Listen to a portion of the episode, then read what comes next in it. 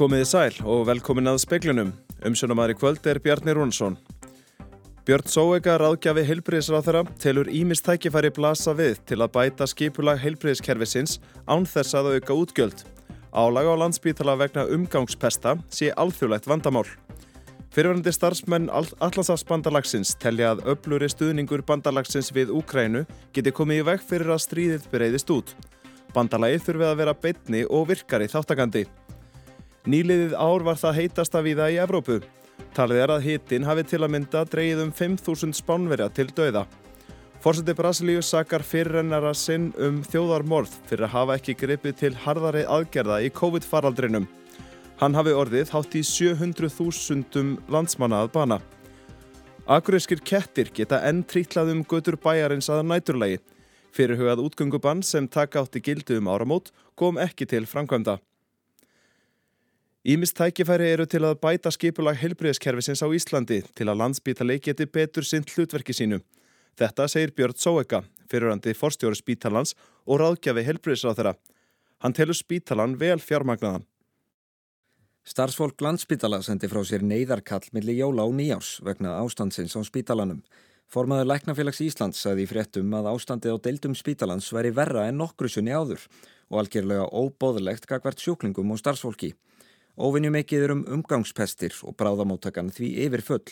Um hundrað manns lága á bráðamóttugunni millir jóla og nýjás, þótt þar eigi að heita plás fyrir 36. Björn Sóeka er forstjóri Karolinska sjúgráðsins í Stokkólmi en jafnframt ráðgjafi helbreyðisráð þeirra í málöfnum landsbytala. Til að við séum komin áleiðis með marga hluti en, en auðvitað er, er þetta mjög erfitt núna og, og erfiðar aðstæður og, og erfiðu tími og það á ekki bara við á landsbítalinn þar mjög, mjög mörgum öðrum sjúkrósum í Európu. Björn segir stöðu landsbítalans þó frábrögna stöðunni á mörgum stærri spítulum Erlendis. Landsbítali hafi minni varagetu til að takast á við holskeplu sjúklinga. En hvað er þá til ráða? Já sko, skipulega spítalunum, það er alltaf þannig að það þarf að huga því að gera það betra, einfaldara, auka þátt klíniska starfsmanna í stjórnuninu og ýmislegt annað slíkt. En það dugir ekki til, segir Björn. Spítalinn sé háður umhverju sínu og hraða þurfi uppbyggingu á þjónustu fyrir aldraða utan hans, svo sjúklingar komist fyrr á veiðegandi staði, aðra sjúkrastofnun, hjúgrunarheimili eða í umönnun heima hjá sér. Björn segir landsspítalan vel fjármagnaðan. Þetta er ekki spurning um peninga, þetta er spurning um að koma á skipulagi og, og horfa lengra fram í tíman, ekki bara fyrir spítalan heldur fyrir kerfið, heilbríðskerfið sem heild. Saði Björn Sóega, Alexander Kristjánsson tók saman. Allansáfsbandalagið þarf að vera beitni og virkari þáttakandi í að aðstóða Úkrænu við það að verja sig. Með því að veita örugari, öfluri stuðning sé komið í veg fyrir að stríðið breyðist út. Þetta segja fyrirverandi starfsmenn bandalagsins. Þeir Fridrik Jónsson, fyrirverandi fulltrúi Íslands í hernaðarmála nefnd Allandshafsbandalagsins og Erlingur Erlingsson, hernar sagnfræðingur og fyrirverandi starfsmæður saminuðu þjóðuna og Allandshafsbandalagsins í Afganistan skrifuðu saman grein sem byrtist í bandaríska stjórnmálablaðinu The Hill. Greinin ber yfirskriftina. Til að hjálpa Úkrænu að segra verður NATO að eigða sjálfskeipuðum rauðum línum og fjallar um mikilvægi þess að bandalagið ebli stuðningsin við Úkrænu. Það sem kemur fram í greinu er okkar sameila marga því að, að, að hérna, það þurfi að, að leggja meira til, það þurfi að gera meira. Við séum að horfa hér á stríði Úkrænu sem að beri það með sér að ef ekki, ef ekki verði komið í vekk fyrir það að Putin og Rúslandi takist ættunarverksi að þá munir það hafa mjög alveglegar afleðingar til framtíð. Fridrik segir að því sé betra að bandalagið haldi áfram að bræðast við en verði þó að gera betur í því að útvega úkrænumennum aðstóð. Ekki bara í vopnum, tækjum og aðbúnaði heldur beinlinis að bandalagið taki beinni þátt meðal annars á jörðu niðri með því að aðstóða úkrænu að verja sig. Í upphafi var, voru kannski svona takmarkanar á aðstof vegna þess að fólk uh, vildi komið vekk fyrir að þetta stríð myndi breyðast út. Uh, Dýnamikinn er frekar að breytast hannig að uh, einmitt með því að veit ekki ennafluru stuðning að þá séu við frekar að auka líkurnar á því að þetta geti breyðast út. Saði Fredrik Jónsson. Rebeka Líf Ingadóttir talaði við hann og nánar um þetta á rúf.is. Fjölmörg hitamett fjallu árið 2022. Hitabilgjur gengu yfir Evrópu á árunum og víða í álfunni var árið það heitasta frá því að mælingar hófust. Frá því að hitamælingar hófust á Spáni árið 1916 hafði meðalhittin á einu ári aldrei farið yfir 15 gráður. Samkamt spænsku veðurstofunni mæltist meðalhittin þær í landi árið 2022 15,5 gráður. Ítrekkaðar hittabilgjur og mikill þurkur gerðu spánverjum lífið litt árunu og í sumar náði hittin oft rúmlega 40 gráðum. Talið er að hittabilgjurnar sem gengu við landið að mánuðunum mæ til oktober hafi dreyið tæplega 5.000 manns til dauða og um 300.000 hektarar af landi hurðu skóareldum af bráð. Árið 2022 var líka það heitasta frá því að mælingar hófust í Fraklandi. Samkvæmt veðurstofunni þær í landi voru allir mánuður ásins ofinni heitir og meðal hittastíð tæplega 14,6 gráður sem er talsverð tærra en fyrramettið. Það var árið 2020 þegar meðalhitastíð var rétt rúmlega 14 gráður. Samkvæmt bráðabyrðamælingum bresku viðstofunar hefur meðalhitastíð á einu ári ekki mælst herra í sögu Breitlands. Þar hafa mælingar farið fram síðan 1884 og fyrra metið var sleið árið 2014 þegar meðalhitastíð var 9,88 gráður. Árið í Breitlandi markaðast af öfgakendu viðurfari þá skiptust á skín og skúrir, hitabilgjur, kuldakost og stormar. Pétur Magnússon tók saman. Krísuvíkurvegur hefur verið óvenju oft lokaður vegna ófærðar í vetur. Í sex vikur samfelt hefur starfsfólk þurft að aka lengri leið um suðustrandarveg eða hefur alls ekki komist vegna ófærðar. Þetta hefur raskað meðferðastarfi. Um 30 meðferðarplásir í Krísuvík og fólk er þar í fíknu meðferði í nokkra mánuði. Óferðin síðustu dag og vikur hefur ekki farið fram hjá Eliassi Guðmundssoni, framkvæmtastjóra meðferðarheimilisins. Þetta hefur alveg haft áhrif á okkur og verið ófært til okkar, óþægilega oft. Hefur það haft áhrif á bara meðferðarstarfið? Já, einhverju leiti sko, en við erum svona yfir jólinn, þá kerum við dagins niður og flestir okkar skjólslæðingar fara heim. Þannig að það er svona bjargaðast aðeins og jólafríð var aðeins lengra en upphálega var lagt með. Fjóri skjólstænga dvöld á heimilinu og jóladag. Sangvært áallun veðagerðarinnar á að reyðja leiðina til Krísuvíkur tvísvar í viku. Þannig stundu það er svona mikið gerist, það kemur svona mikið snjó, þá lendur við svolítið svona síðust á listanum. Elias segir að björgunusveitina séu hjálplegar og forðið því að skjólstænga lókist inn í lengri tíma. Í vetur þá var það sex vikur í röðu sem þurftum að fara söðustandavegin og þá er allt starfsfólki tveimu tímum lengur í bíl á dag. Þetta verður til þess að fólk er þreyttara og þjónustan á heimilinu minni. Um áramótin var ófært og þá voru allir skjólstæðingar í húsi. En það var búið að byrja vel og, og matur klár og þannig að það var allt tilbúið fyrir kamars. Skjólstæðingar á heimilinu komast ekki út í gungutúra vegna snjóa.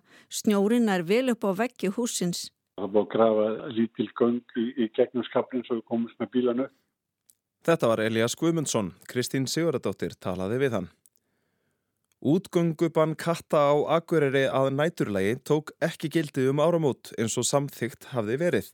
Fórseti bæjastjórnar segir það ráðast á næsta bæjastjórnafundi hvort bannið verður sett á. Hann segir að allt og mikil tími hafi farið í þetta mál. Bæjarstjórnin á Akureyri samþýtti í apríl að banna lausagöngu katta nættulægi frá miðnætti til sjöamorni og átti bannið að taka gildi um áramót. Þetta var breyting á afar umdeldri samþýttum að lausaganga katta í bænum yrði alfarið bönnuð frá árunnu 2025. En kísur á Akureyri ganga enn frjásarum nætur. Bannið tók ekki gildi eins og til stóð. Nei, þetta tekur ekki gildi, þetta þarf að fara í setni umræðu hvað reglum og við tökum þetta nú fyrir á næsta, næsta fundi sem er 17. janúar. Segir Heimir Örn Árnánsson fósiti bæjastjórnar og það sé alveg óljóst hvað gerist við þá umræðu. Og hvort að fyrir ákvörum verður dreginn tilbaka eða, eða samtingstætti óbreytt, það er bara eitthvað sem að er að fara núna í umræðu. En er það mögulegt og einu myndinni að þessu verði ekki framfyllt eins og tilstendur eða hvað? Já, já, það er alveg möguleik og, og, og þetta breytist þá bara í, í tilmæli um að, að fara eftir þessum reglum en ekki, ekki kannski í lög, sko. En vonandi tækist nú að ljúka málinu svo ekki þurfu að eyða í það meiri pening og tíma.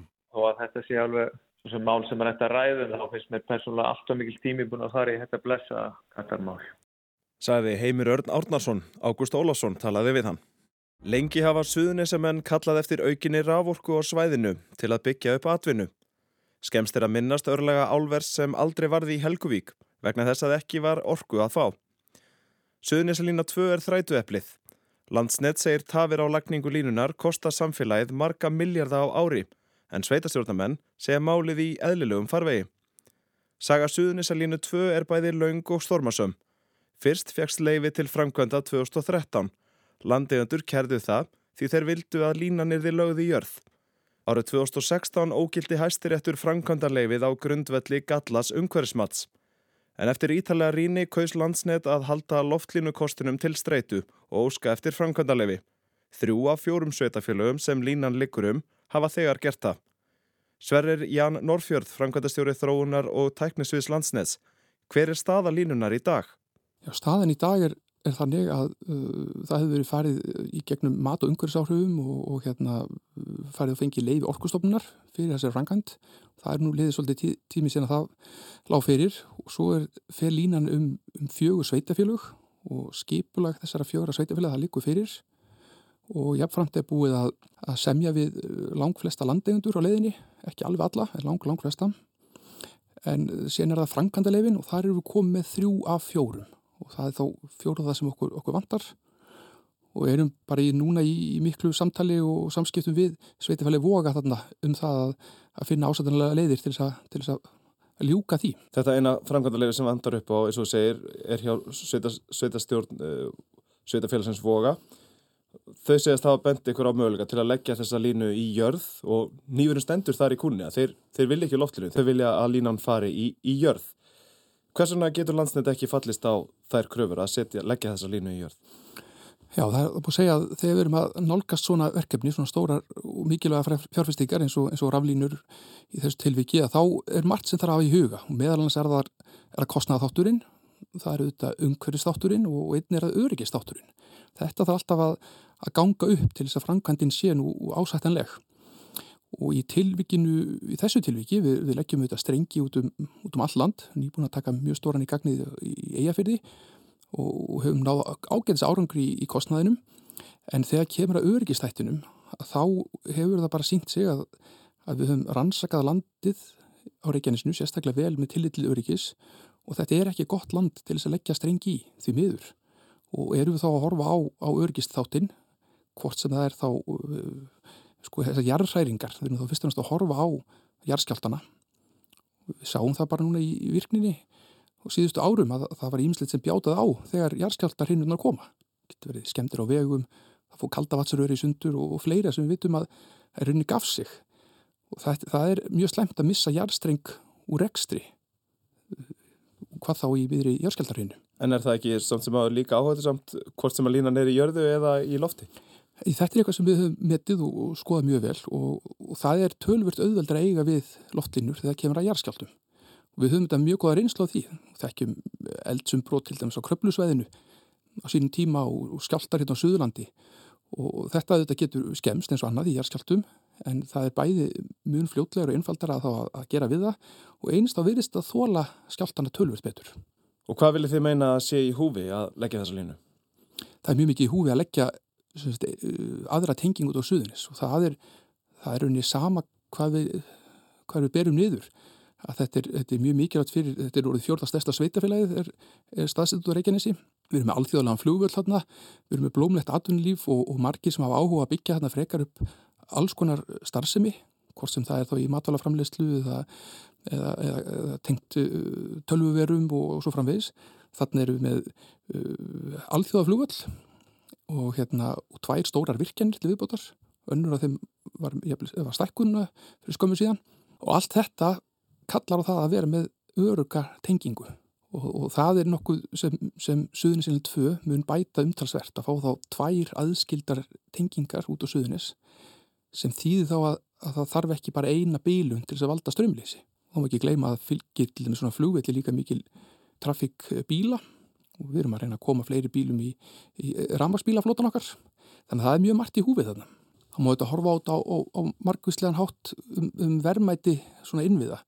Og ég held að það sem er mikilvægt er að hafa í huga að verðmætið fælst sjálfnast í línunni sjálfri. Þetta snýst alltaf um notendunar og við sjáum það núna nýlega til dæmis þegar óveðir geysaði að, að, að reykjanisbröðin lokaði þá sjáum við hvernig innviðinni skipta miklu til þess að, að eðlert líf geti gengið fyrir sig og áhrifin eru margfald meiri út fyrir engungu vegin og það er sama sem gildir auðvitað með raflínu að það að geta ekki synd eh, atvinnulífinu eða heimilónum eða valdið eh, örgisleysi áhrifin eru markvælt meiri heldur en kostnaði við eina línu. Það er ágjað fyrir tekið Frontier Economics uh, gerði skýslu fyrir okkur fyrir nokkru síðan sem mat einmitt að, að samfélagi verður af um einhverjum fjórum eða fimm miljardum á ári en, en kostnaðurinn að byggja línuna það er þá innan við þennan kostnað bara framkvæmdinn einn. Áttu vorum því að þetta, þetta mál leysist og já, hvenar búist þið við því að geta hafið framkvæmdir? Ég er svona öllu jöfnum mjög bjart síðan, ég hef nú fulla trú að þetta leysist og, og það verður nú að segjast að, að allir þeir sem koma að þessu máli, hva, hvað svo þeim, þeim finnst um, um útfæsluna, þá eru raunin allir sammála því að þetta sé mikilvæg framkvæmd og þörf, uh, sveitafélugum og hagsmunnaðalar, hvar sem er. Hvenar þetta leysist? Það er kannski erfitt að segja en maður hefur auðvitað mikla væntingar um það að það gerist nefnir fyrst en, en við erum uh, byrjuð að framkama þarna í sveitafélugum þar sem frangatilefin eru komin þannig að það eru verið að ná litlum ávinningi nú þegar með því að tengja þá virkjanarnar ögn betur við, uh, við Reykjanesbæ. Gunnar Axel Axelsson, bæjastjóri sveitafélagsins Voga, gaggrindi í frétt Víkurfrétta að landsnet skuli kenna sveitafélagin um tafir og vísaði þar í tilkynningu landsnets frá því í desember.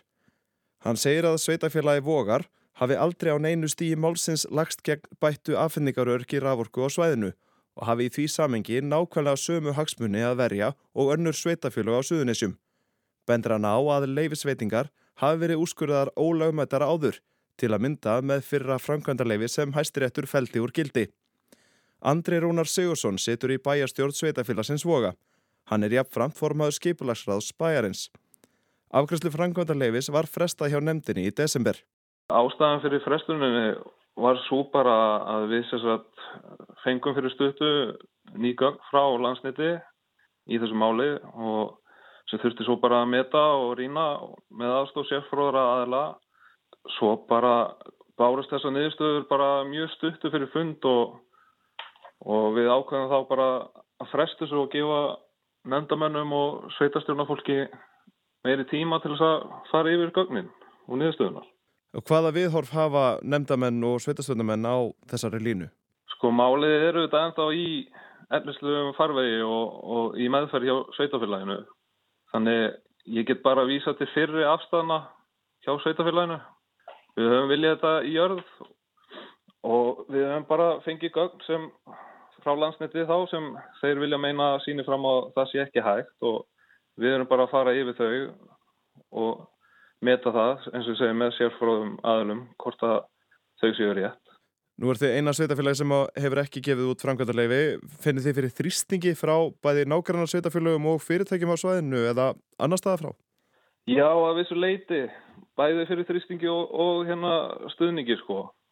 Þannig að þessar þrýstingsrættir er kannski bara mjög háærar. Ef þú horfir aðeins fram á veginn, áttu vona því að þetta þetta má leysist á komandi vikum eða mánuðum? Ég bara vona það og hérna við sem sveitafélag er alltaf tilbúin til að ræða saman og við höfum okkar hugmyndir hvernig er hægt að framkvæma þetta og, og að, hægt að finna lausni við þessu en það bara, okkur er ekki mætt neðist á leiðinni. Bara er hægt að leggja þetta í jörðu eða ekki og, og benda að það sé hægt en svo fáum við alltaf upp á móti að það sé ekki hægt. Þá frá landsneti? Já sveitafélagi er ekkert á móti lagningu suðnislínu 2 og hérna við viljum þetta auka afhendingaröryggi á ramagni á svæðinu. Við viljum kannski líka aðeins hafa eitthvað um að segja hvernig þetta er lagt. Saði Andrei Rúnar Sigursson. Áður var rætt við Sverri Ján Norrfjörð.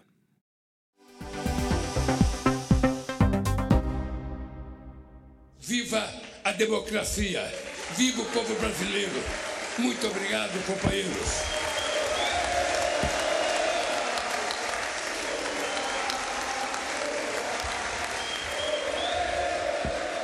Lifi líðræðið, lifi brasilíska þjóðinn, þakk ykkur kærlega fyrir félagar. Þannig endaði Luis Inácio Lula da Silva ræðu sína þegar hann sór embættiseð sem forseti Brasilíu í þinghúsi landsins í gær. Lula, eins og hann er jafna nefndur, satt í tvö kjörtjámabil á forsetastóli snemma á öldinni frá 1. janúar 2003 til 1. janúar 2011. Hann þótti ná góðum árangri við landstjórnina og varð einn vinsælasti stjórnmálamadurinn í sögu Brasilíu og raunar heimsins alls að þér frettatímaritt við Newsweek greindi frá árið 2010. Lula, leiðtói vinstri manna í Brasilíu, sigraði sitjandi forsetta, hægri mannin, Jair Bolsonaro, með naumum merilluta í forsettakásningunum í haust. Það þóttu tíðindi, ekki síst í ljósi þess að hann hafði settið í fangjálsi í eitt og hálft ár vegna dóms sem hann hlaut fyrir fjármála spillingu. Sá dómur var ógiltur árið 2021. Bolsonaro hefur til þessa neitað að viðurkenna úrslitin. Hann var ekki viðstatur valdaskiptin í gær, flög til Flórida í bandaríkjónum skömmu fyrir áramót og fól var að forsetta landsins völdin í sinn stað. Bolsonaro sendi hvaði á Facebook til stuðningsfolks síns áður en hann hjælt af landi brott. Þar hvaðst hann hafa gefið sig allan í starfið og gert allt sem hann gatt fyrir þjóðina. Nýjir tímar væru framundan en sem betur fer væru hægri sinnaðir leðtóar við svegurum á landsbygðinni margt ungt fólk sem heldi merkinu á lofti. Muito obrigado a todos. Um abraço a todos, com muita luta, mas um bom 2023 a todos. Deus abençoe o nosso Brasil. Vamos em frente. Kærar þakkir til ykkar allra knús á ykkur, sagði Sjær Bolsonaro að lokum. Gleðilegt ár, Guð blessi Brasilju, áfram veginn. Gríðarlegar varúðaráðstafanir voru gerðar í miðborg höfðuborgarinnar Brasilíu í gær þegar Lula sóra en betti segð. Herskáir stuðningsmenn Bolsonaros hafðu hótað að koma í vekk fyrir að hann geti tekið við ennbættinu. Allt láruglilið Brasiljuríkis um 80.000 manns var því á vakt.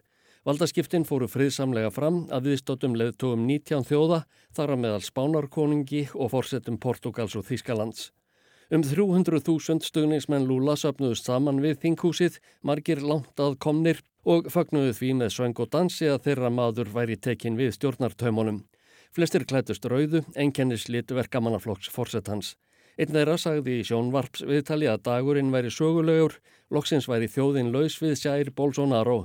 Tími endurreysnarinnar væri að hefjast. Annar sagði að fyrsta stóra verkefnið væri að koma fátakum brasilíumannum til aðstóðar. Miljónir ættu ekki til nýfs og skeiðar og þyrtu því á skjótri aðstóð að halda. I think priority number one, of course, is the situation of poverty. Brazil now came back to the map of hunger. There's millions of impoverished people now in the country and this is, of course, the first task. Lula var á sömu nótum þegar hann ávarpaði þingið að valda skiptunum loknum. Hann sagði að líðræðið hefði sigrað í fórsetakostningunum í haust. Hann hvaðst ætlað verða fórseti allra brasiljumanna sem eru 215 miljónir talsins, ekki einungis stuðningsmanna sinna. En nú væri tími komin til að hefja uppbyggingarstarfið eftir margra ára skemdarverkastarf sem er fyrir ennarhans. Lula sakaði Bolsonaro og stjórn hans um að hafa framið þjóðarmorð með því að grípa ekki til viðegandi ráðstafana þegar COVID-19 farsóttin geisaði. Talið er að hún hafi orðið meira en 680.000 landsmönnum að aldur til að. Hann hétt við að láta rannsaka aðgerðarleysi fyrirverandi stjórnar ofan í kjölinn og draga þá til ábyrðar sem hefðu gerst sekir um vanrakslu í faraldrinum. Fórsetin hétt við að fjárfesta í mentun og heilbyrðiskerfinu aukst þess sem áttakirið gert í umhverfismálum. Meðal annars lofaðan að skóarhögg heyrði sögunni til í Amazon regnskóunum innan farra ára. Þá yrði umdelt skotvopnalögjöf sem komið var á í stjórnartíð Bolsonarós afnuminn þegar í stað. Þegar Lula leta af ennbætti árið 2011 mældist fylgið viðan 83%. Frá því hafa orðið umtalsverðar breytingar í brasilísku þjóðlífi, ekki síst á efnahagsviðinu. Segjum á að þjóðin sé klófin í tvær álíka fjölmennar fylkingar, stuðningsfólk Lula og þá sem fylgja sér Bolsonaro að málum. Lula hétt því í kostningabaróttunni að hefja þjóðina til sama vex og virðingar og hún nautað hans sögn meðan hann gengdi fórseta ennbættinu á fyrstu árum aldarinnar. Stjórnmála og efnahagssérfræðingar eru margir eh, sammála um að það geti orðið þrautinn þingri að standa við það. Ásker Tómasson tók saman.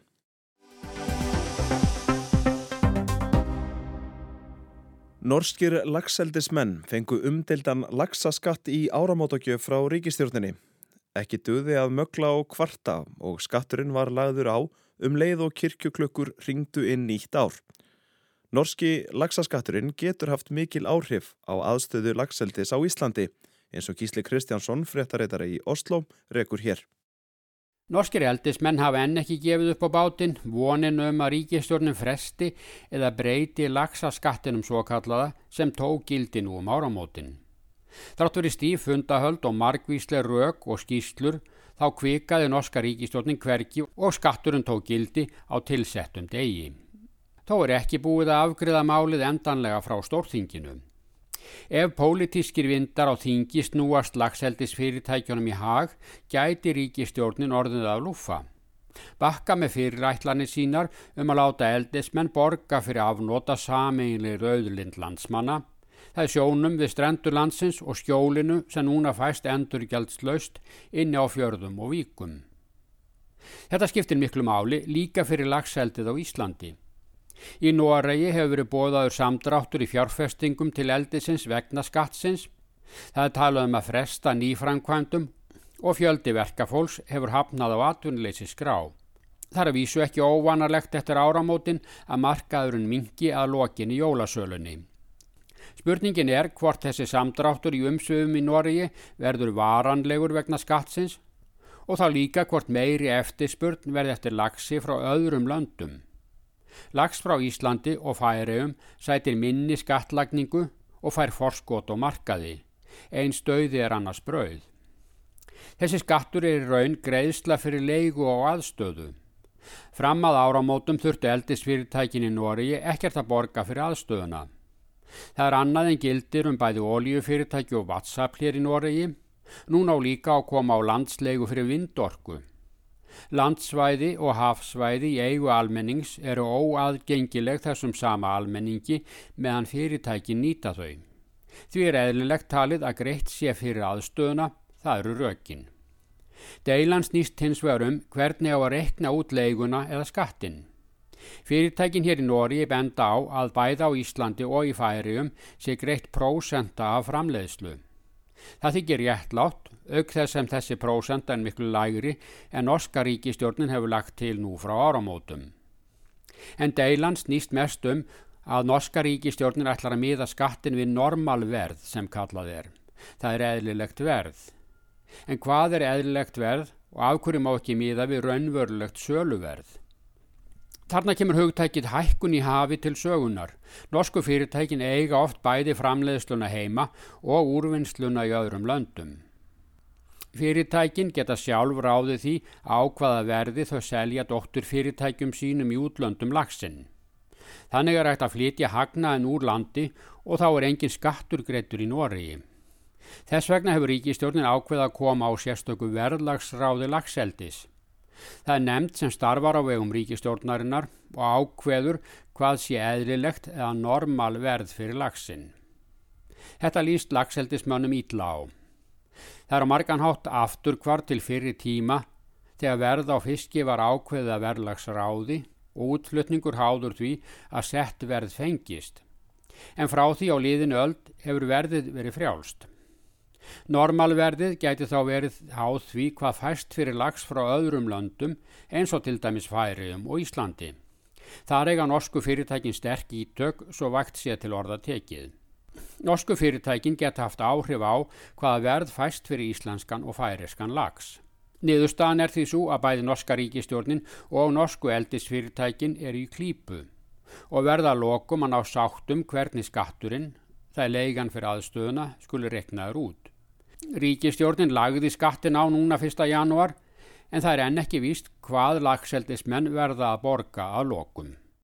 Þetta var Gísli Kristjánsson. Það var helst í speklunum í kvöld að Björn Sóega ráðgjafi heilbreyðsrað þeirra tilur ímist tækifæri blasa við til að bæta skipulag heilbreyðskerfisins án þess að auka útgjöld. Álaga á landsbítala vegna umgangspesta sé alþjóðlegt vandamál. Fyrirhandi starfsmenn Atlasafsbandalagsins telja að öfluri stuðningur bandalagsins við Úkrænu geti komið í veg fyrir að stríðið breyðist út. Bandalagið þurfi að vera betni og virkari þáttakandi. Nýliðið ár var það heitasta víða í Evrópu. Talið er að hitin hafi til að mynda dreyið um 5.000 spánverja til döða. Fórseti Brasilíu sakar fyrirrennara sinn um þjóðarmorð fyrir að hafa ekki greipið til harðari aðgerða í COVID-faraldrinum. Hann hafi orðið hátt í 700.000 landsmanna að bana. Akureyskir kettir geta enn trítlað um götur bæjarins að næturlægi. Fyrirhugað útgöngubann sem taka átti gildum áramót kom ekki til framkvæmda.